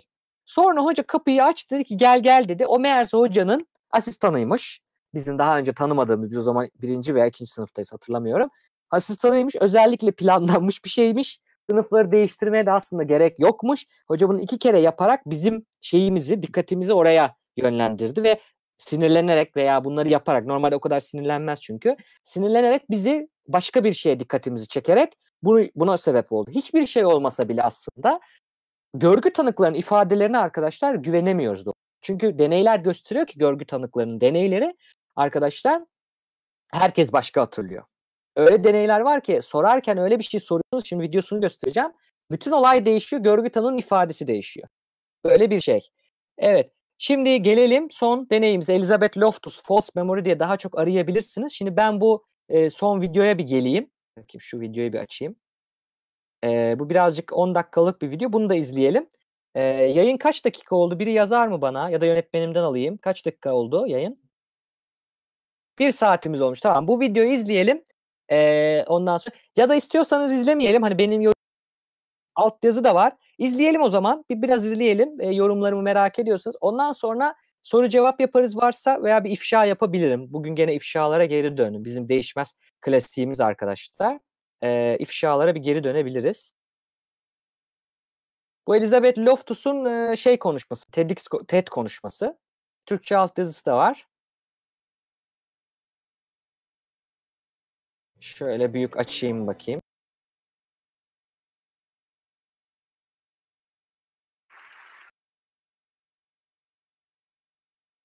uh, about a legal Altyazı gözüküyor mu? Herkes için küçük mü kalıyor? Bir bakın bakalım. Chat'ten ses alalım. Altyazı gözüküyor mu? Tamam. case that I worked on involving a man named 2013'teymiş Steve bu. Titus. Was a restaurant manager. He lived in Seattle, Washington. Engaged to Gretchen, about to be married. She was wife. And one night, the couple went out for a romantic restaurant meal. They were on their way home, and they were pulled over by a police. You see, Titus's car sort of resembled a car that was driven earlier in the evening by a man who raped a female hitchhiker. And Titus kind of resembled uh, that rapist. So the police took a picture of Titus. They put it in a photo lineup. They later showed it to the victim. And she pointed to Titus's photo. She said, That one's the closest. Şimdi gene podcast için aynı zamanda bir de e, şeylere söyleyelim. Altyazı hep açık bende. E, gitti mi bilmiyorum bir bakalım. Şimdi şöyle Titus denen bir e, soyadı Titus olan bir restoran müdürü var. Nişanlısıyla yemeğe gidiyorlar. Yemekten dönüşte arabası kenara çekiliyor. Çünkü o gün o arabaya çok benzer aynı model bir araba e, ile giden bir tecavüzcü işte bir e, şeye e, otostopçuya tecavüz ediyor ve aranıyor tabii ki. Araba aynı olduğu için adamı da çeviriyorlar ve tecavüz tecavüze uğrayan kişiye soruyorlar. O şey kapalı hani Amerika'da olur ya aynalı böyle gösterirler. Orada e, gösteriyorlar şey olarak. E, şimdi altyazı bende de gözüküyor. E, oraya gösteriyorlar ve bu fotoğraf yani Titus'ın fotoğrafını gösteriyormuş özür dilerim. Fotoğrafı gösteriyorlar e, şeye mağdura. Bu fotoğraf tecavüzcüye çok benziyor diyor. Bakın. and prosecution proceeded trial. And when Steve Titus was put on trial for rape, the rape victim got on the stand and said, I'm absolutely positive that's the man. And Titus was convicted. He Demiş ya ki yani e, savcılık polis devam etmiş. Mağdur da demiş ki yüzde yüz eminim ki bu demiş yani. his innocence. His family screamed at the jury. His fiance collapsed on the floor sobbing, and Titus is taken away to jail. Jüriye yalvarmışlar. te- yani e, nişanlısı olmaz böyle bir şey falan anlatmış ama yine de cezaevine götürülmüş. Ailesi falan yıkılmış bunu bu vakada. What would you do at this point?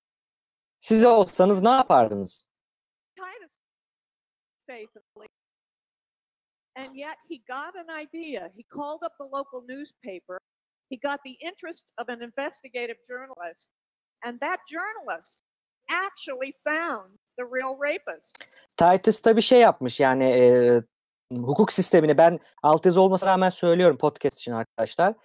Spotify'dan ve e, diğer podcast mecralarından, iTunes'tan, Google'dan dinleyebilirsiniz. Genelde yarın veya bir iki gün içinde çıkıyor. E, pardon filmi gibi diyor. Evet aynen. Hukuk sistemine e, inancını kaybediyor fakat şöyle bir fikir geliyor aklına. Yerel bir böyle araştırmacı gazeteciye dikkatini çekiyor. Ona e, yardım istiyor ve o da e, bu olayı araştırıyor ve gerçek tecavüzcüyü buluyor gazeteci. A man who ultimately confessed to this rape, a man who was thought to have committed 50 rapes in that area. And when this information was given to the judge, the judge set Titus free. And really, that that's where this case sh- should have ended. It should have been over. Titus should have thought of this as a horrible year, a year of accusation and trial, but over. It didn't end that way. Titus was so bitter. He'd lost his job, couldn't get it back. He lost his fiance. She couldn't put up with his persistent anger. He lost his entire savings, and so he decided to file a lawsuit against the police and others whom he felt were responsible for his suffering. And, and that's when I really started working on this case, trying to figure out how did that victim go from that one's the closest to I'm absolutely positive that's the guy. Well, Titus was consumed with his civil case as he spent every waking moment thinking about it. And just days before he was to have his day in court, he woke up in the morning, doubled over in pain, and died of a stress related heart attack. He was 35 years old. Kısa özet geçeyim. Altyazı var. Ee, podcastler için geçiyorum yine söyleyeyim. Podcast'te kaynakları koymanızı e, istiyoruz demişler. Evet kaynakların linkini bazı podcast mecrası almıyor. Ama yazmaya çalışacağım kaynakları şeyle ilgili, e, sunumlarla ilgili yaptığım zaman. Bu linkleri mesela bu iki videonun linkini kesinlikle koyarım bu podcast'te. E, adam e, tekrardan dışarı çıktıktan sonra hayat eskisi gibi olmuyor arkadaşlar. E, işte nişanlısını kaybediyor, işini kaybediyor, bütün parasını kaybediyor. Tekrardan dava açıyor. Buna bu olayı yaşattıkları için nasıl bu kadar emin yüzde yüz diyebilirler. Dolu, dolayısıyla e, e, dolayısıyla e, mahkemesine bu şey intikam alacağı o mahkemeye çıkmadan sabahta 35 yaşındayken stres kaynaklı bir e, kalp kriziyle vefat ediyor. So I was asked to on Titus's case because I'm a psychological scientist. I study memory. I've studied memory for decades. And if, if I meet somebody on an airplane, this happened on the way over to Scotland, meet and we ask each other, what do you do? What do you do? And I say, I study memory. They usually want to tell me how they have trouble remembering, or they've got a, a relative who's got Alzheimer's or some kind of memory problem. But but I have to tell them, I don't study when people forget. I study the opposite when they remember. When they remember things that didn't happen or remember things that were different from the way they really I study false memory. Unhappily, Steve Titus is not the only person to be convicted based on somebody's false memory. In one project in the United States, information has been gathered on 300 innocent people, 300 defendants who were convicted of crimes they didn't do. They spent 10, 20, 30 years in prison for these crimes, and now DNA testing has proven that they're actually innocent. And when those cases have been analyzed, three quarters of them are due to faulty memory, faulty eyewitness memory. Well, why? Like the jurors who convicted those innocent people and the jurors who convicted Titus, many people believe that that memory Şimdi bu video 17 dakika hepsini birlikte izlemeyelim. Ee, ben izlemenizin bir farkı olsun. Bir deney var o deneyden bahsedecek. Orayı göstermek istiyorum. Onu açıklamak istiyorum. Linkini vereceğim. Siz sonra bu videoyu tam izlersiniz. Bu arabaların çarpışmasıyla ilgili bizim e, Başak hocamız da bu deneyi ve- vermişti örneğini. Çok meşhurdur. Onu bir göstereyim size arkadaşlar. I did my experiments that involved showing people simulated crimes and accidents and asking them questions about what they remember. In one study, we showed people a simulated accident Gerçekte olmamış bir kazanın resmini gösteriyorlar arkadaşlar. Deneylerden birinde insanlara. Bununla ilgili çünkü bu görgü tanıklarının ifadesi nasıl değişiyor? Niye sahte anılar var? Bu önemli. and we asked people cars when they hit each other. And we asked other people how fast were cars going when they smashed into each other. And if we asked the leading smash question, the witnesses told us the cars were going fast. Bak şimdi çok güzel. Çarpıştıklarında yani görgü tanıkları bunu yapıyorlar işte böyle e, aynı görüntüyü işte film şeyi gibi bilgisayar gibi yapıyorlar ve bunu sorarlarken iki çeşit soruyorlar. Bir tanesi arabalar birbirine çarpıştığında ne kadar e, yani birbirini çarptığında hit kelimesini kullanıyorlar. Ne kadar e, e, hızla gittiğini soruyor. Ötekine smash diyor. Birbirine girdiği anda smash birbirine girdiği anda ne kadar gidiyordu diyor. Bu sorulara ortalamada baktığımızda ne oluyor? Birisi 34 mil demiş saatte çarpıştı. Birbirine girdi dediğinde 41 mil olmuş. Yani gördükleri görüntü aynı görüntü. Hızı değerlendirmeleri de değişmemesi lazım ama sorduğum soruda işte suggestive diyoruz ya yani telkinden etkilenebilir dedim ya hafıza. İşte bu etkilenme oluyor.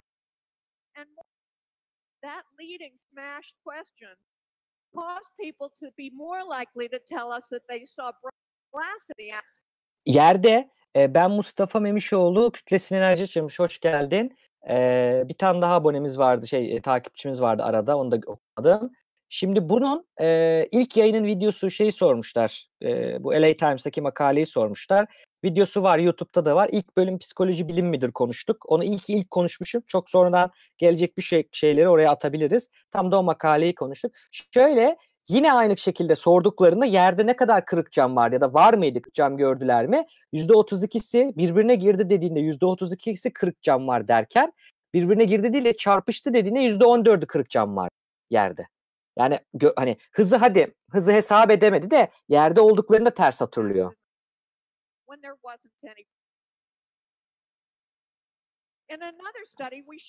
Bu arada gerçek gösterdikleri görüntüde hiç kırık cam yokmuş yerde. Yani hiç kırık cam yok. Yani gerçekten o kadar farklı. Bir tane daha görüntü gösteriyorlar. Bu araştırmada arabanın e, dur işareti olan bir yerde.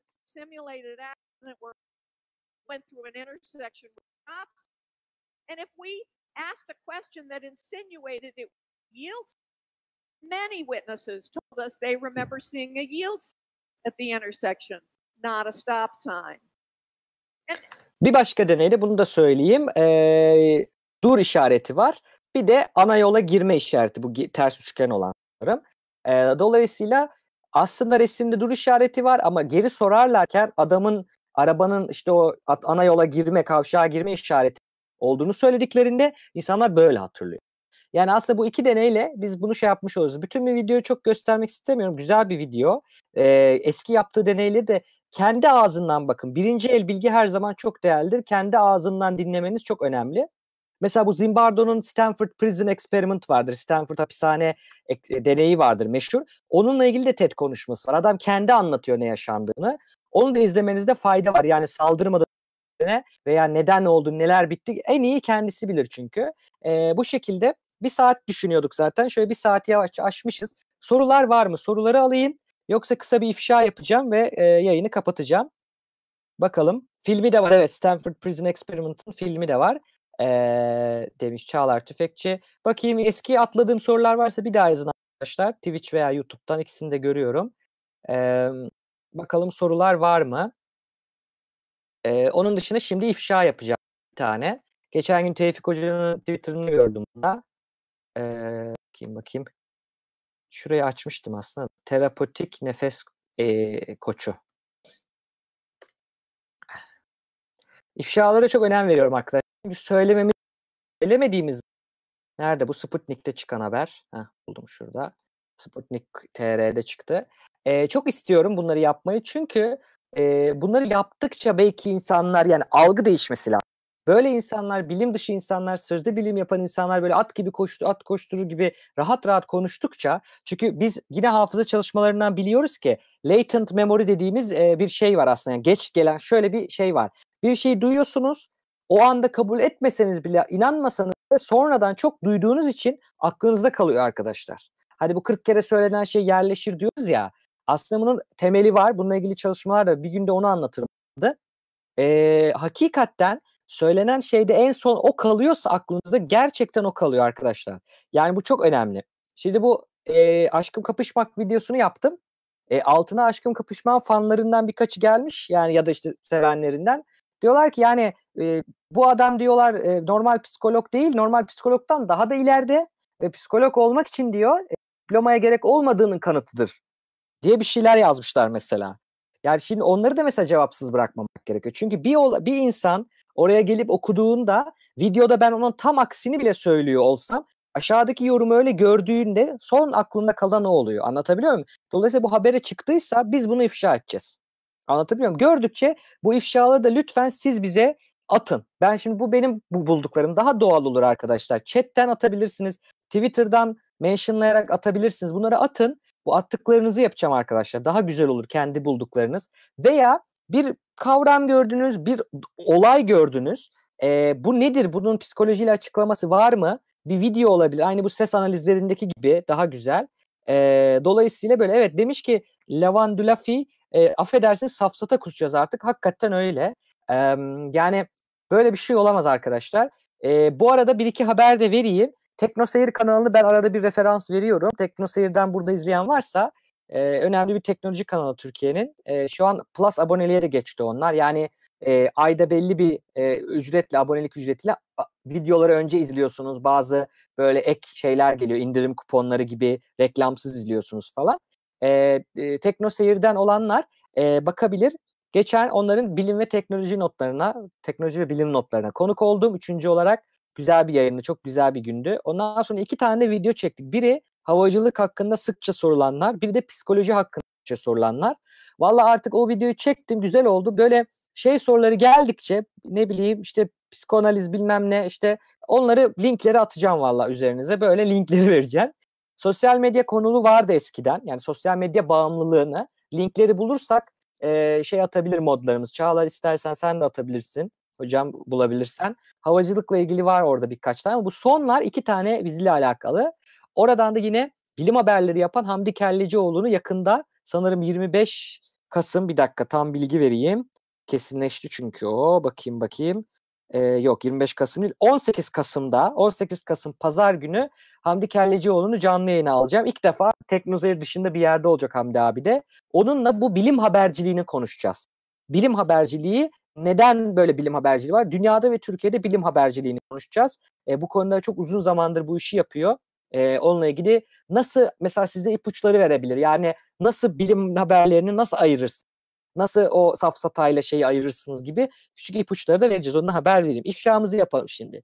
Ya terapötik nefes koçu. Terapötik kelimesi e, terapeutik diye yazılan efendime söyleyeyim bir kelime. Bu ne demek? Terapi özelliği olan demek. Bu doğru bir kelime alanla. E, tera- therapeutic experiences deriz mesela. Yani nedir? Terapatik deneyimler. Yani nedir? Bir sorununuzu, sizin psikolojik bir sorununuzu çözen. Terapi sadece psikoterapi demek değil. Terapi ne bileyim işte radyoterapi de var. Anlatabiliyor muyum? Kemoterapi de var. Yani terapi bir şeyin tedavi edilmesine yönelik bir işlemi kastediyor. Dolayısıyla terapotik dendiğinde tedaviye yönelik anlamı geliyor. Terapotik nefes koçu. Şimdi nefes koçu geldik. Hadi bakalım başlıyoruz. Neler denmiş onun üzerinden bir gidelim. RSFM'de gündem dışı programına katılan ilk terapotik nefes koçu Mehtap Utuş. Ee, şimdi şöyle terapotik nefes koçunun ilki var mı? Varmış. E, yani üzerine bir isim eklerseniz olabilir tabii. Fakat burada asıl amaç bu ne anlamda kullanılır? Şimdi ben ne yaptım? Ben bu habere göre yapmam. Beni biliyorsunuz. Ben ne yaptım? E, bu e, hanımefendinin kendi sitesine gittim. Kendi sitesinde kendi biyografisini nasıl anlatıyor? Çünkü haber yanlış anlatmış olabilir. E, hanımefendi başka bir şey demiştir. Onlar terapotiyi ilk yazmıştır. Olur bu Türkiye'de olmayan bir şey değil.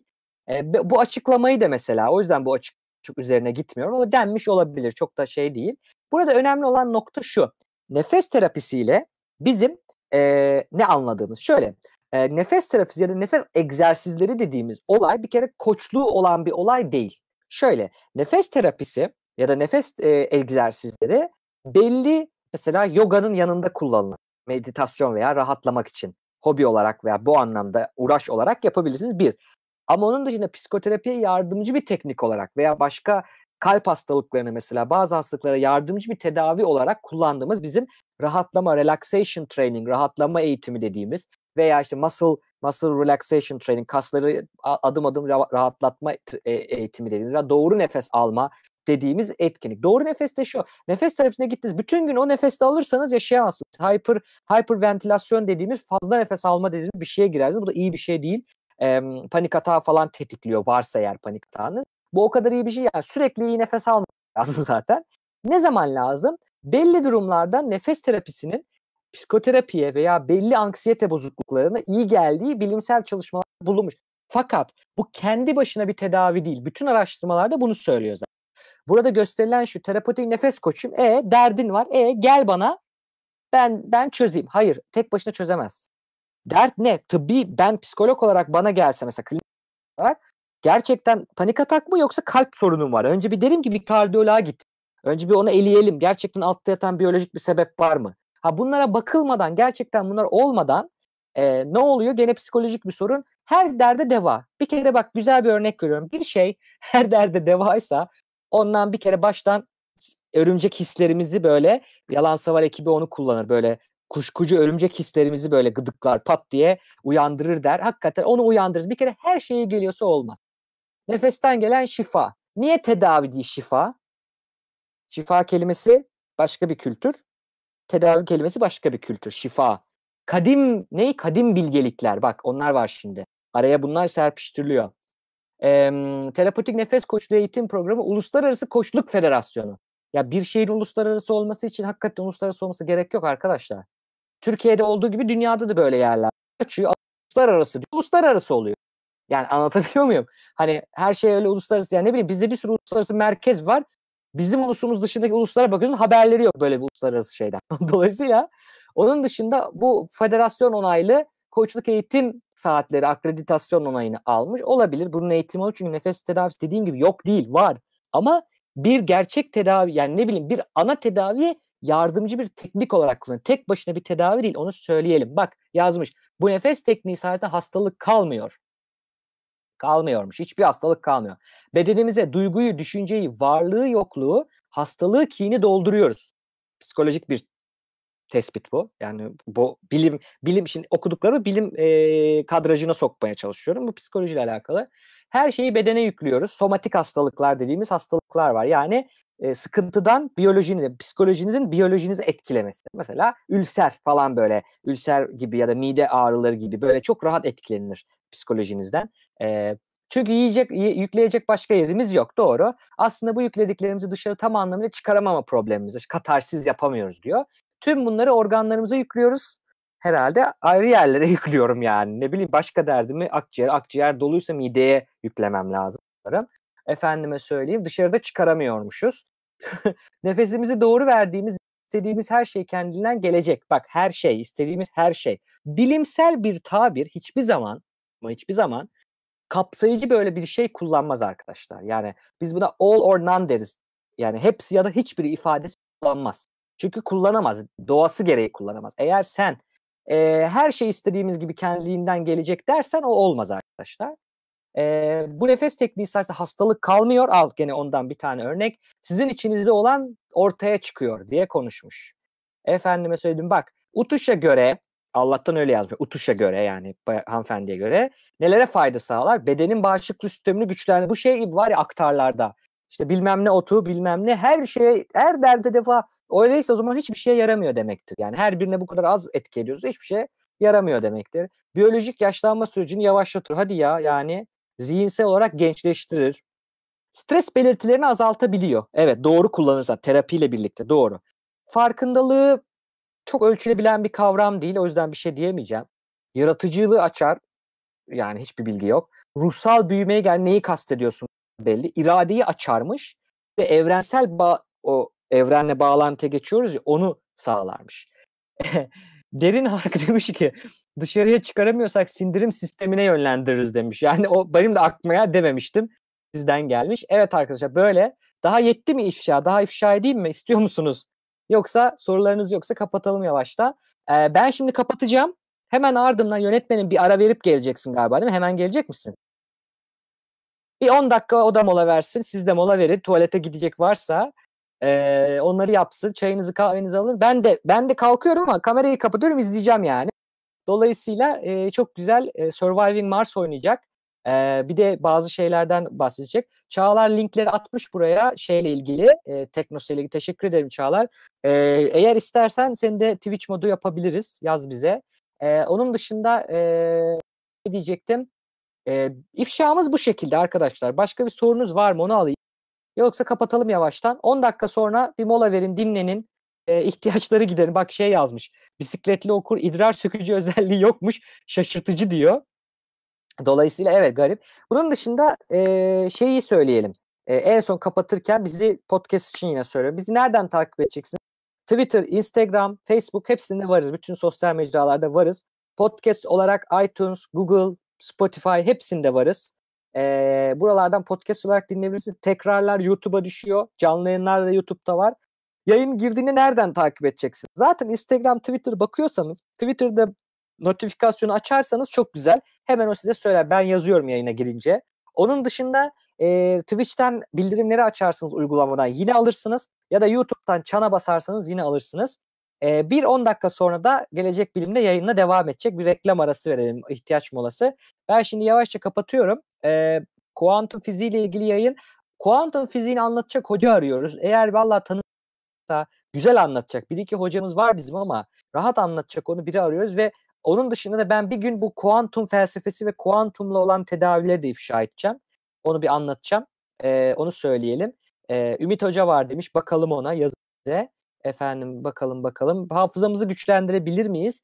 E, belli teknikler var hafızayı güçlenmeli de yöntem kullanma, strateji kullanma. Bir bölümde ondan bahsederim ama arayacaksan e, mnemonik diye arayabilirsin. M sonra mnemonik diye yazılıyor. Mnemonik diye arayabilirsin. Hafıza güçlendirme ile ilgili. E, Kerem Can Kocak belki gelir tekrardan.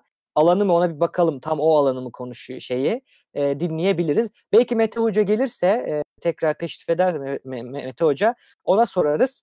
E, hakikaten çünkü hepimizin kafasına oturmayan yerler var.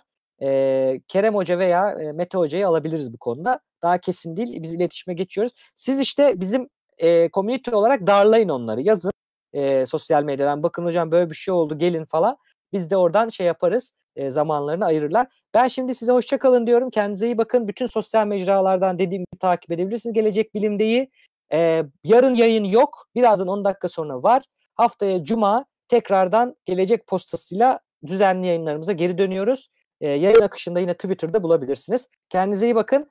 E, bakalım yayın açık kalacak arkadaşlar. Çıkmanıza gerek yok. Araya biz bir e, kredi veya bir müzik atarız. 10 dakika sonra burada yine bekliyorum sizi. Ben de olacağım burada. E, kontrol Odası yönetmenimizin Semih Canbaşoğlu'nun Kontrol Odası programını izleyeceğiz. E, Surviving Mars ve bazı bilgiler alacağız. Hadi bakalım. Kendinize iyi bakın. Hoşçakalın.